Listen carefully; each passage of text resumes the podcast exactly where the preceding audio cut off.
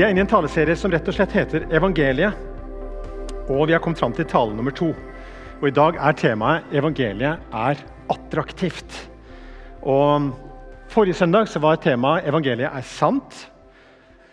Neste søndag blir det en pause i evangeliet, eller ikke evangeliet.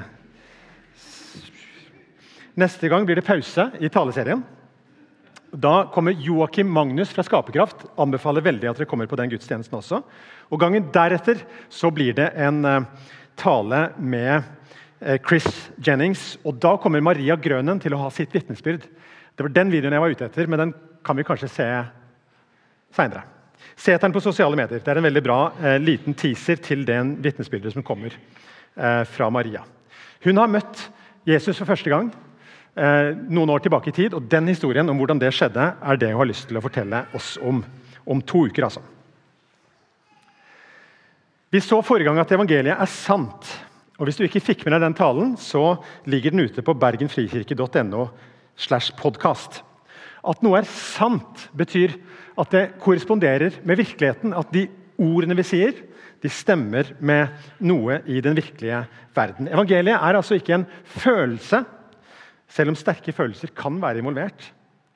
Evangeliet er ikke en filosofi, selv om eh, skarpskodde teologer før meg har eh, beskrevet hva evangeliet er, med gode og dypsindige ord. Evangeliet er ikke et sett med leveregler, selv om det er bra både for deg og meg å leve etter Guds bud og for de neste. Evangeliet det handler ikke om at du og jeg gjør vårt beste, og så fikser Gud ved sin nåde resten. Nei. Evangeliet er gode nyheter om noe som har skjedd i historien. Noe som er etterprøvbart. Og du og jeg, når vi tar imot det, så er det ikke bare sånn at sannheten er noe som korresponderer med virkeligheten, men det er også noe som smelter sammen med oss subjektivt i det vi tar imot det i tro. Det er en aktivering som skjer i deg og meg når vi tar imot det, takker for det og begynner å handle på det. På godt norsk evangeliet funker. Jeg så en gang en dokumentar fra et meksikansk fengsel. Det var en svensk eh, reportasje. Utsendingen var fra SVT2. Han var ingen kristen eh, og intervjua med stor nysgjerrighet og ikke så lite overraskelse fengselsvoktere og innsatte i et altfor overbefolka fengsel av narkolangere, drapsmenn og tidligere torturister. Der var nå hverdagen prega av bønn, lovsang, bibelstudier og ellers fred og fordragelighet fangene imellom. Wow! Evangeliet er attraktivt i sin forvandlingskraft. Men det er ikke alltid vi forstår evangeliet. Og Derfor må jeg si før jeg begynner på det jeg har som hovedtema i dag, at attraktivt er et litt farlig ord. For Det kan høres ut som en sånn litt glansa reklameplakat som på overflaten ser perfekt ut, men som når det kommer til stykket, så leverer ikke varen. Eller den har veldig kort levetid før vi må ha et nytt produkt. Med evangeliet er det noen ganger motsatt. Men det er ikke alltid vi forstår det der med Jesus. Det er ikke alltid det han inviterer oss inn i, er komfortabelt. Det er ikke alltid det ser så attraktivt ut. Det står om Jesus på korset at folk snudde seg bort i forakt. Orka ikke å se på. Det var ikke noe tiltrekkende over Jesus på korset. Og så vet jeg ikke hvordan det er med deg, men Hvis du var bonde på Jesu tid, og du ikke hadde penger i banken, men du hadde investert i griser Og her kommer Jesus sender noen onde ånder fra en mann som oppholdt seg ved gravhulene, inn i en griseflokk på 3000, og de raser utfor et stup og drukner. Jeg vet ikke om du syns det er tiltrekkende og attraktivt i seg sjøl. Eller ta det med de spedalske. Mennesker som hadde begynt å miste lemmer, begynt å bli deformerte og vansira i ansiktet pga. sykdommen som er så grusom. Og så kommer Jesus trosser alle religiøse og sosiale koder samt smitterådene fra FHI og rører ved den syke. Det er attraktivt at vedkommende ble helbreda, selvfølgelig, men er det spesielt attraktivt før det skjer? Er det attraktivt å se på tar på huden. Kanskje rygger vi litt av den type historier. Eller den gangen Jesus ropte på Lasarus ut av graven. De som sto rundt, de var da mest opptatt av lukten. Altså Han hadde vært død i fire dager, og han lukter allerede. Og Før du vet hvordan det, dette skal gå, så er du kanskje mest bekymra når steinen tas bort, for hvordan dette skal oppleves. Du og jeg skal ikke ha berøringsangst med det som ser annerledes ut. Vi skal ikke være forsiktige om det er noe som ser umulig ut i første runde. Ehm, det der med grisene det må jeg bare innrømme at jeg ikke skjønner helt. Eh, hvorfor det er tatt med en gang. Men kanskje det forstås som et eksempel på at det er ikke alltid vi forstår alt det der med Jesus. Denne talen den skal jeg holde sammen med en som heter Viktor Kleppan. Som eh, går i forsamlingen vår i 18-fellesskapet. Han skal tale i kveld, og vi har forberedt denne talen sammen. Eh, og Viktor, som en del av sin forberedelse, gikk til en ikke-kristen kamerat som han har invitert med seg både i smågruppa si og på alfakurs. Eh, vennen hans er foreløpig ikke kristen, men og, og nettopp derfor så ser han ting litt fra utsiden. Og Viktor spurte han, hva finner du attraktivt ved den kristne troen, kirka? smågruppa, alfakurset som du, du har blitt med på. Han ga noe ganske overraskende svar som jeg vil komme tilbake til mot slutten av talen i dag.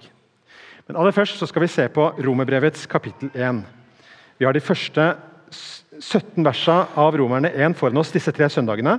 Og vi har kommet fram til vers 8-15, som dere hørte det lest. Først av alt takker jeg min Gud ved Jesus Kristus for dere alle. For i hele verden blir det fortalt om deres tro. Gud selv, som jeg av hele mitt hjerte tjener med evangeliet om Hans sønn, er mitt vitne på at jeg stadig husker på dere i mine bønner. Jeg ber stadig om at det endelig en gang må lykkes for meg å komme til dere om Gud vil. For jeg lengter etter å se dere, så jeg kan gi dere del i en åndens gave for å styrke dere. Eller rettere sagt for at vi sammen, dere og jeg, kan bli oppmuntra ved vår felles tro. Jeg vil at dere skal vite, mine søsken, at jeg har ofte satt meg for å komme til dere, men jeg er blitt hindret helt til nå. For jeg ville gjerne høste frukter også hos dere, som blant de andre folkeslagene. Grekere og barbarer, lærde og ulærde. Alle står jeg i gjeld til. Derfor ønsker jeg å forkynne evangeliet også for dere i Roma. I denne teksten, som i teksten vi leste forrige søndag, så er det stadig snakk om Evangeliet, og selve ordet evangelium betyr gode nyheter. Og I denne taleserien så sier vi at evangeliet er enklere enn du tror. Den enkleste måten å si hva evangeliet handler om, er å si det Paulus sier. Evangeliet om hans sønn. Det er den enkleste setningen kan, hvis du lurer på hva evangeliet er.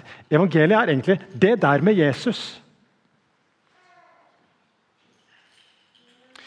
Og så er det rikere enn du vet. For hvis vi skal forkynne evangeliet, de gode nyhetene, så må vi forkynne hele budskapet om Jesus. Om hans liv for deg, hans død for deg, hans oppstandelse for deg til et nytt liv.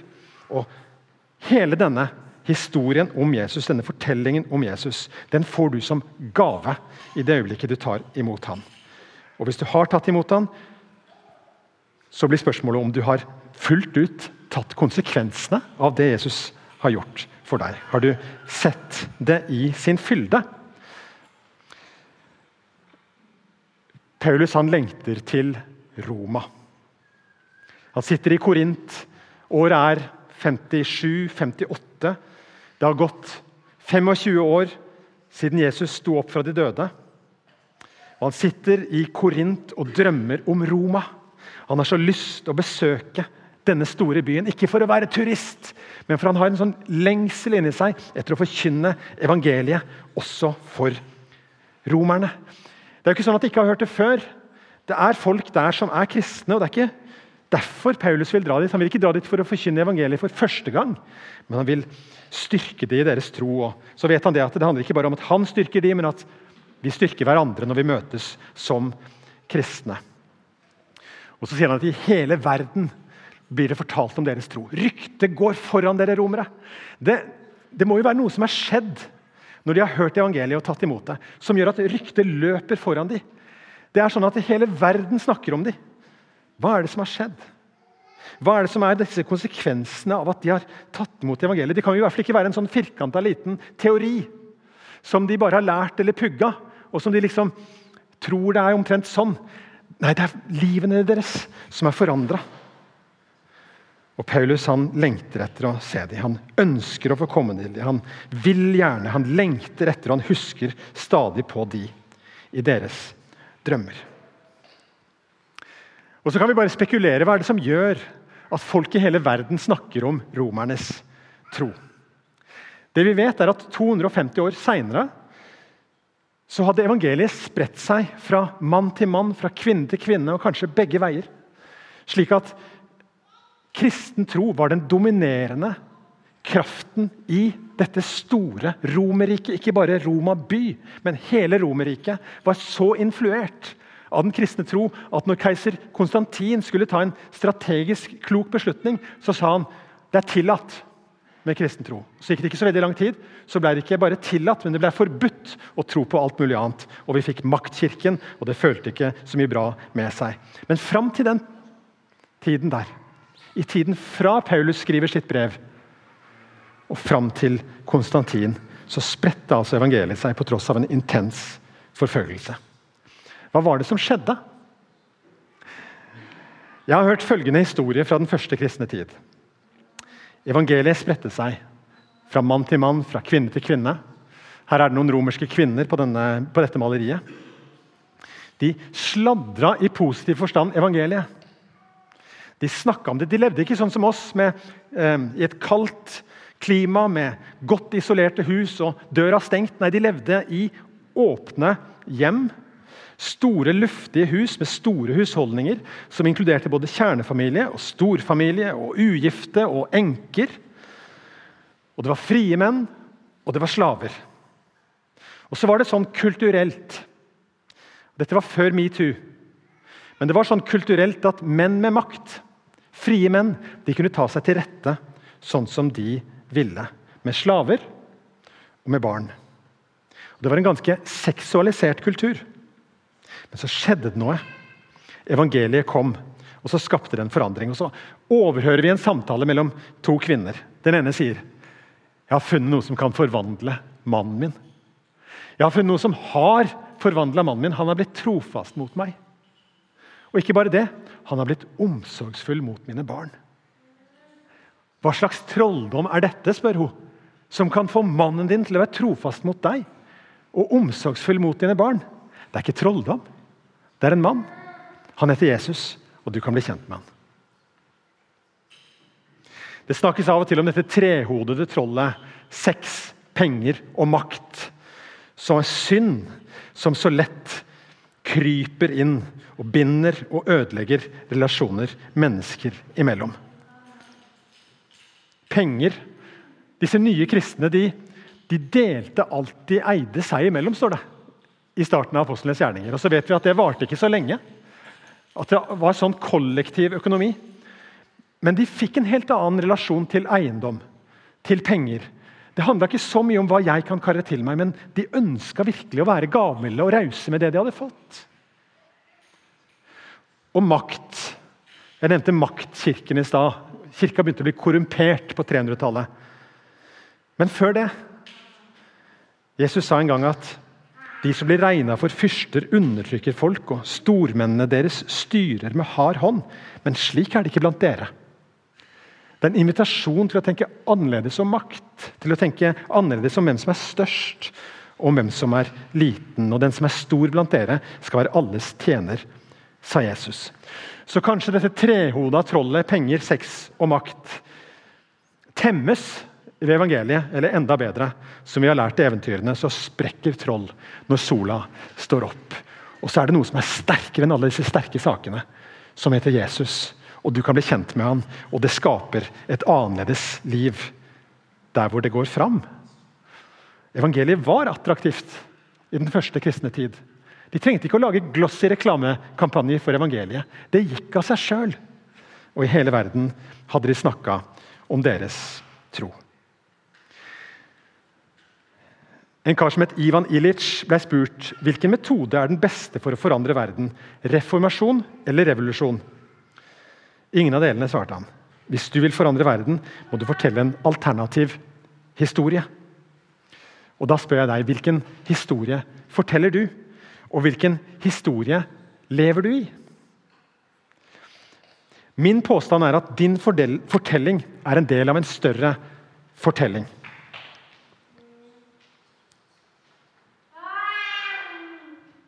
Og Den store fortellingen den handler om en perfekt skapelse. At, at, Gud skapte en verden som er god. At Gud skapte en verden som er sånn han ville ha den. En vakker skapelse, hvor han sjøl vandrer i hagen. Og Så skjer det et syndefall. Jeg tror det mangler noen streker i denne tegningen, men uh, det er ikke så farlig. Det skjer et syndefall som gjør at hele verden blir, kommer i ulage. Også skapningen kommer i ulage. Og relasjonene mellom oss mennesker blir dårlige. Så skjer det også en forsoning. Jesus kommer til jord som et menneske. Og det er den fortellingen vi kaller evangeliet. At han kommer, at han dør på et kors, at han står opp igjen fra grava, og at fornyelse det er den tidsalderen som vi er i nå. Det er den fornyelsens tidsalder. Og så skal det skje en nyskapelse. Og den nyskapelsen den er på en måte tilbake til start. Så skapelsen, det Gud en gang gjorde, det skal reskapes i nyskapelsen. Og det er allerede i gang. Det er noen som hvis de får høre spørsmålet hva er evangeliet, så sier de evangeliet handler om at de som er kristne, tror på Jesus slik at de kan komme til himmelen når de dør. Og Jeg skal ikke si at det ikke er evangeliet, og jeg skal, skal ikke si at det ikke det kristne håpet er en viktig del av det glade og gode budskapet. Men evangeliet er mye rikere enn det. Og den derre 'til himmelen når vi dør' får ofte en sånn farge av at vi på en måte, Det som Gud har skapt, det skal bare forsvinne. Det er, det er ikke verdt noe. Men den fortellingen som vi leser i Bibelen, er at det som Gud har skapt, det er verdt noe. Vi snakker av og til som om kroppen vår ikke er verdt noe. Og at vi har en sjel som er det egentlige, som skal til himmelen når vi dør. Men både kroppen din og den verden Gud har skapt, var ment å være god. Og når Jesus kom, og forsoner verden med seg sjøl, og fornyelsen kommer til oss, og vi er på vei mot en ny skapelse, så betyr ikke det at jorda skal forkastes. Det betyr at jorda skal bli ny. Og Det betyr ikke at sjelen din på en måte skal i en sånn redningsbåt og reddes ut av en, av en vond verden, men denne verden skal fornyes. Ved Jesu gjenkomst så skal det skje. Det er de gode nyhetene, så de er rikere enn du tror. De er rikere enn du tror, og du inviteres inn i det. Bibelen er skrevet på gresk, og det er to ord for ny. Det ene er neos, og det er flunkende ny. Det andre er kainos, og det betyr gjort ny. Gjenskapt. Og når det står i åpenbaringsboka om at jorda skal bli ny, så er det kainos som brukes. Det er akkurat som Gud sier jeg tar det som jeg skapte den gangen, som var så bra. Og så reskaper jeg det. Jeg gjenvinner det. Og så skal Jesus komme tilbake, og så skal vi være her, på den nye jord, i oppstandelsen. Det er de gode nyhetene. Ser dere at det er rikere enn vi tror? De gode nyhetene er fulle av håp. Det, det, det er en fortelling som du er en del av, hvor fornyelsen har begynt. Fornyelsen skjer her og nå. Også fullendes fornyelsen den dagen Jesus kommer gang, da kommer igjen, og da skal det bli perfekt. Men han er alt i gang. Og Så må jeg si noe om allerede, men ennå ikke. Vi skulle på en måte ønske at det var enten-eller. Enten så var alt ingenting her, og så skulle alt bli bra der. Men situasjonen er at vi er i en sånn spenning mellom allerede og ennå ikke. Og Det kan gi seg mange slags utslag. Vi ser av og til at helbredelse skjer.